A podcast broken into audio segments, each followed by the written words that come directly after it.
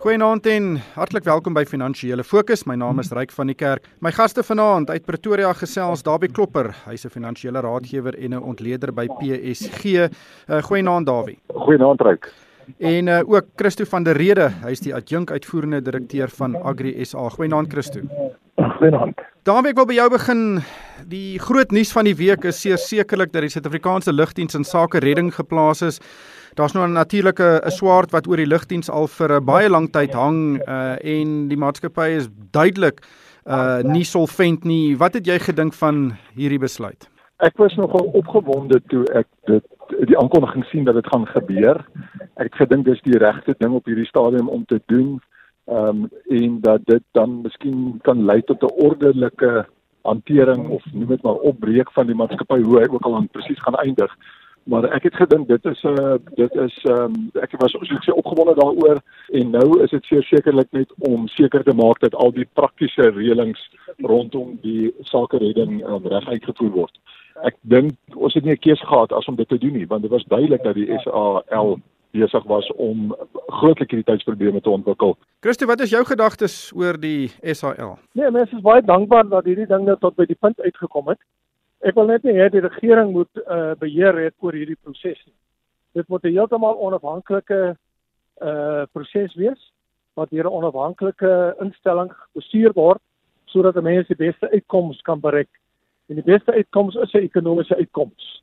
Uh met regering se teenwoordigheid daar gee dit net tot tot allerlei politieke uitkomste wat nie in belang van die organisasie is nie. Daar wie ons is daar is nou 'n sake reddingspraktisyn wat nou die hele bestuur van die SAL oorneem. Daar moet 'n sakereddingsplan op die tafel gesit word.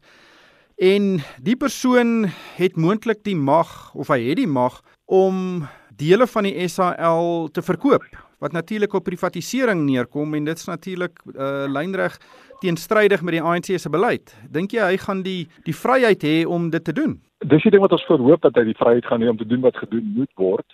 Jy sal moet besef hier moet baie vinnig, baie dringend, baie werk gedoen word want hulle moet presies vasstel wat aangaan, hoe lyk die kontrakte van inkontraktering van brandstof, van kos aankope, van allerlei ander dienste wat gelewer word, is daar probleme daarmee, is daar oorprysing wat daar plaasgevind het.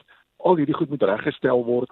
Daar moet uh, likwiditeit moet bestuur word, daar moet vliegtuigkaartjies nog moet versteeds verkoop word en dan moet hulle sekerlik gaan probeer vasstel is daar nie winsgewende roetes wat mens miskien sou kon verkoop nie. As dit daarom weerkom as Virgin Airlines besluit hulle wil dalk wel belang in is al ook gaan hulle dalk belangstel om die om die roete tussen Londen en Suid-Afrika te koop.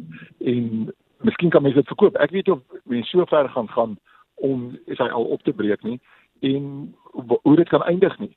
Maar ek vertrou dat hy gaan toegelaat word om die regte ding te doen ter wille van al die mense wie se werke uiteindelik nou hier geraak word al dan nie.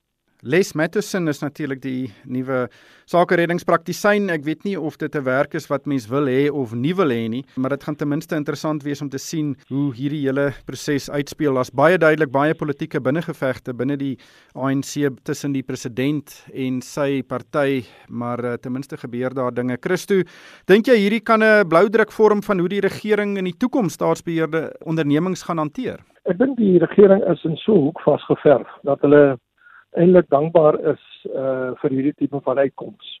Want dit is beter opsie wat ek daarmee bedoel is dat hulle dan nie aan die einde van die dag uh beskuldig kan word van allerlei manipulasie nie. Ons sien reeds die beskuldigings wat deur die EFF gerig word aan uh, of die, aan die deur gelê word uh, voor die deur gelê word van uh Paul Gordon en hy word van allerlei goed beskuldig. Ek dink uh, dit is 'n blou druk aan my mening maar ek uh, seker dat dit ook moontlik in gaan toegepas gaan word uh, by uh, ander uh, staatsondernemings wat ook in dieselfde boot is. Ten minste gebeur daar iets, ek dink is 'n baie interessante ontwikkeling en ons sal dit dophou hier op finansiële fokus. Dawie, die ander groot nuus van die week is dat uh, ons BBP groei syfers gesien het en dit was 'n groot verrassing. Die ekonomie het in die derde kwartaal met 0,6% gekrimp. Dit was teen die verwagting in.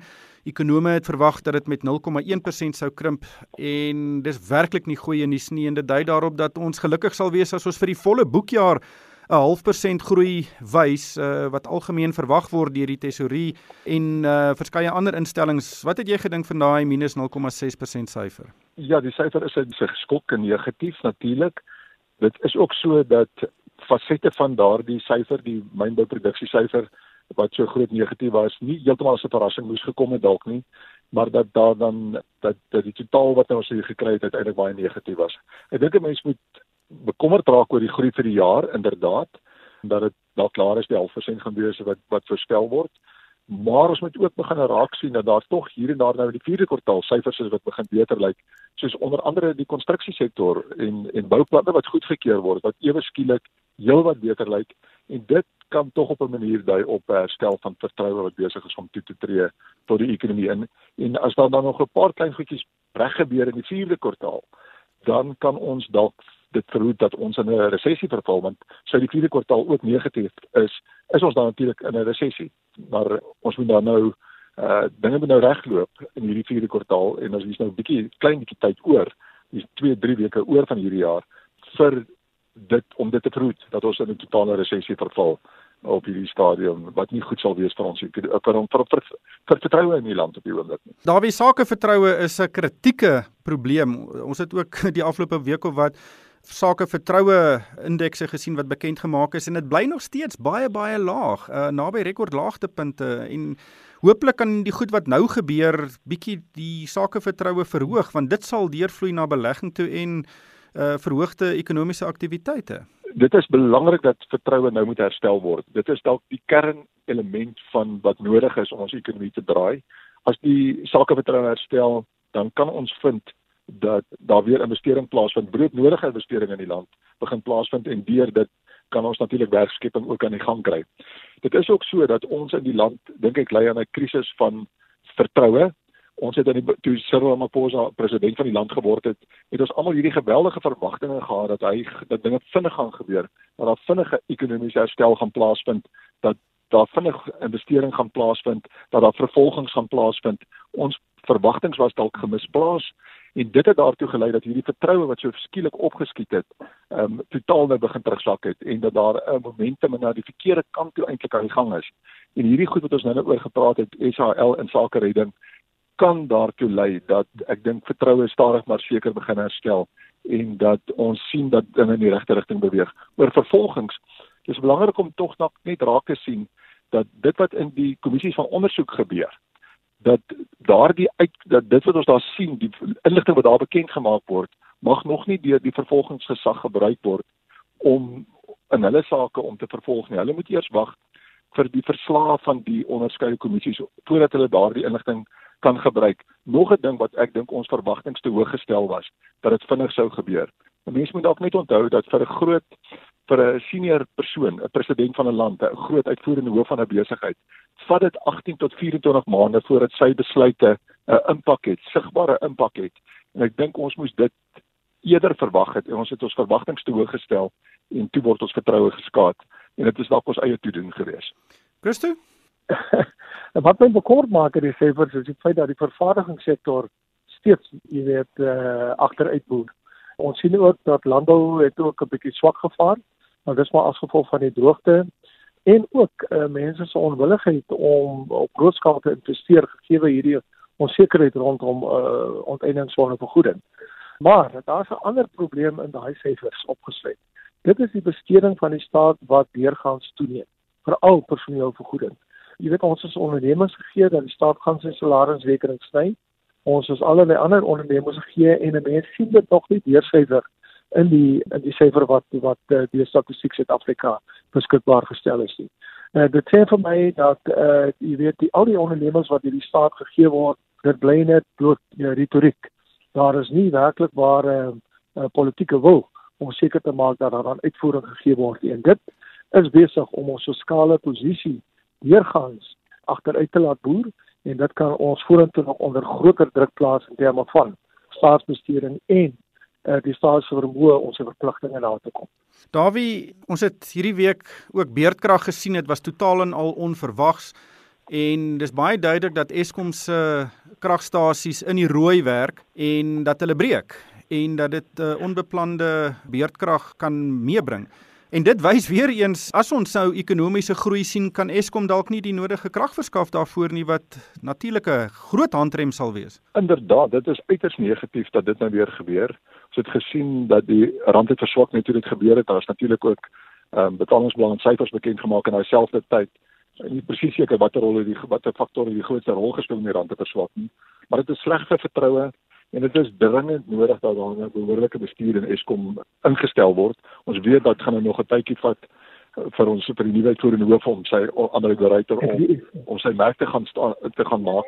Daar is 'n hoofingenieur onlangs aangestel. Daar moet 'n klomp goed gebeur wat die vertroue gaan herstel in Eskom en sy vermoë om behoorlike krag op te wek op 'n konstante basis. Jy is inderdaad reg dat as die ekonomie in groei kom, kan Eskom wat nie genoeg krag lewer nie 'n groot handrem wees. Ons sien ook dat baie besighede en en instellings en organisasies dan nou besig is om hulle eie krag te installeer, individue ook om dit te doen om sodoende op 'n manier daarom aan te kan gaan onafhanklik van Eskom. Christo, nog 'n interessante storie was dat die mededingingskommissie het hierdie week 'n verslag oor datapryse in die selfoonmark bekend gemaak en hulle was regtig eintlik aggressief. Hulle sê MTN en Vodacom oorheers die mark en dat hulle basies binne 2 maande hulle datatariewe met tussen 30 en 50% moet sny wat natuurlik 'n baie groot impak op hierdie maatskappye kan hê. Wat het jy van van die kommissie se verslag gedink? Ek dink dit is verblydende nuus. Suid-Afrika se datapryse vergelyk met die res van die wêreld dan is ons baie baie duur en dit plaas 'n geweldige stremming op ontwikkeling. Onthou ons uh, is besig uh, jy weet om ons land ook uh, te bemagtig met bepaalde vaardighede wat toepaslik is vir die vierde industriële revolusie.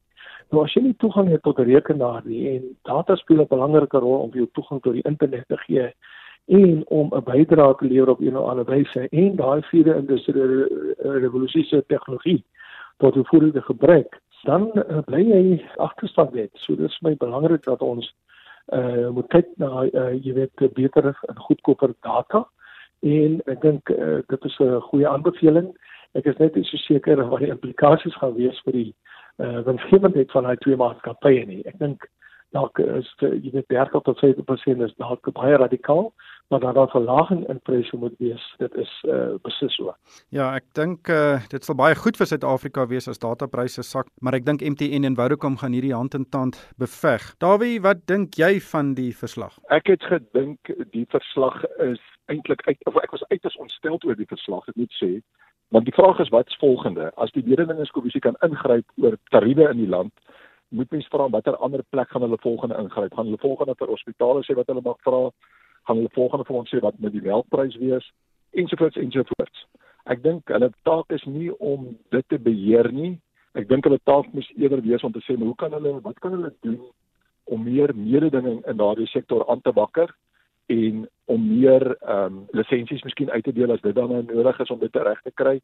Dit sou eerder hulle taak wees, nie om pryse te beheer nie. Ek weet daar's 'n dringende noodsaaklikheid vir laer data tariewe in die land en daar's ander redes hoekom mense dit sou wou doen maar ek dink nie dit moet die mededingingskommissie se taak wees om dit te bewerkstellig nie. Dis nie dit voel vir my uiters sosialisties. Ja, en een van die probleme is die regering ken nie broodnodige spektrum toe aan die maatskappye nie en dis iets wat hulle al vir jare beloof. En Precies, dit gebeur nie. Dit, dis my argument. Dit gee al lisensies uit, gee al spektrum uit, kry die mededinge in die land in en dan kan die tariewe afkom. Laastens Christo, ons het hierdie week ook gehoor dat die uh, departement van landbou het alle veilinge van vee verbied. Dis natuurlik veilinge van varke, beeste, skape, bokke uh, en dis meer en dit is in reaksie op die uitbreek van bek en klou seer in Limpopo. Wat is uh, jou posisie daaroor? Kyk, dit is 'n noodsaaklike stap, maar dit gaan 'n verwoestende effek op die bedryf En dit maak mense woedend. Die feit dat uh, ons regering nie en veral die departement van landbou nie proaktief genoeg optree om hierdie siekte te bekamp nie. In die verlede het ons die weermag het 'n groot rol gespeel om seker te maak voertuie word deurgesoek en diere word geskit en daar word uh, padblokkades opgerig om seker te maak dat siek diere nie uh, versprei of uh, vervoer word nie en dat die siekte op die wyse versprei word nie ons grensdrade langs die Kruger Nasionale Park waar daar gereeld uitbrake voorkom in daai sone, veilige sone. Die goed word nie onderhou nie. So nou word die boere aan die einde van die dag gestraf. Vir my is dit totaal totaal onaanvaarbaar dat jy weet die instellings uh, wie die verantwoordelikheid en wie die gesag het om hierdie situasie onder bedwang te hou dat hierdie instellings nie werk op hierdie stadium nie. En nou het ons dit dit gaan 'n ekonomiese verdere ekonomiese krisis vir ons boere en vir al ons hoëvleesprodusente veroorsaak. Ek weet nie of ons by daai probleem kom nie, maar uh, gelukkig geniet hierdie ding aandag nou op die hoogste vlak. Maar ek hoop net dat president Ramaphosa sou moet daar werklike stappe kom om sy amptenare, regeringsamptenare tot orde roep en hulle verantwoordelik hou vir die werk wat hulle nie doen nie. Hoe lank is daardie grensdraad wat vervalle is? O, ja, ek is nie seker nie. Ek kan Maar dit is lank. Laat, nie, maar dit is lank en dit moet gepatrolleer word, moet in stand gehou word en seker te maak dat ons beeste nie in kontak kom met die buffels uh, wat gewoonlik by die draers van die siekte is nie. Ongelukkig het die tyd ons ingehaal. Baie dankie aan Dawie Klopper. Hy's 'n finansiële raadgewer en ontleder by PSG in Pretoria en ook Christo van der Rede. Hy's die adjunk uitvoerende direkteur van Agri SA. En vir my ryk van die kerk, dankie vir die saamluister en ek hoop almal het 'n winsgewende week.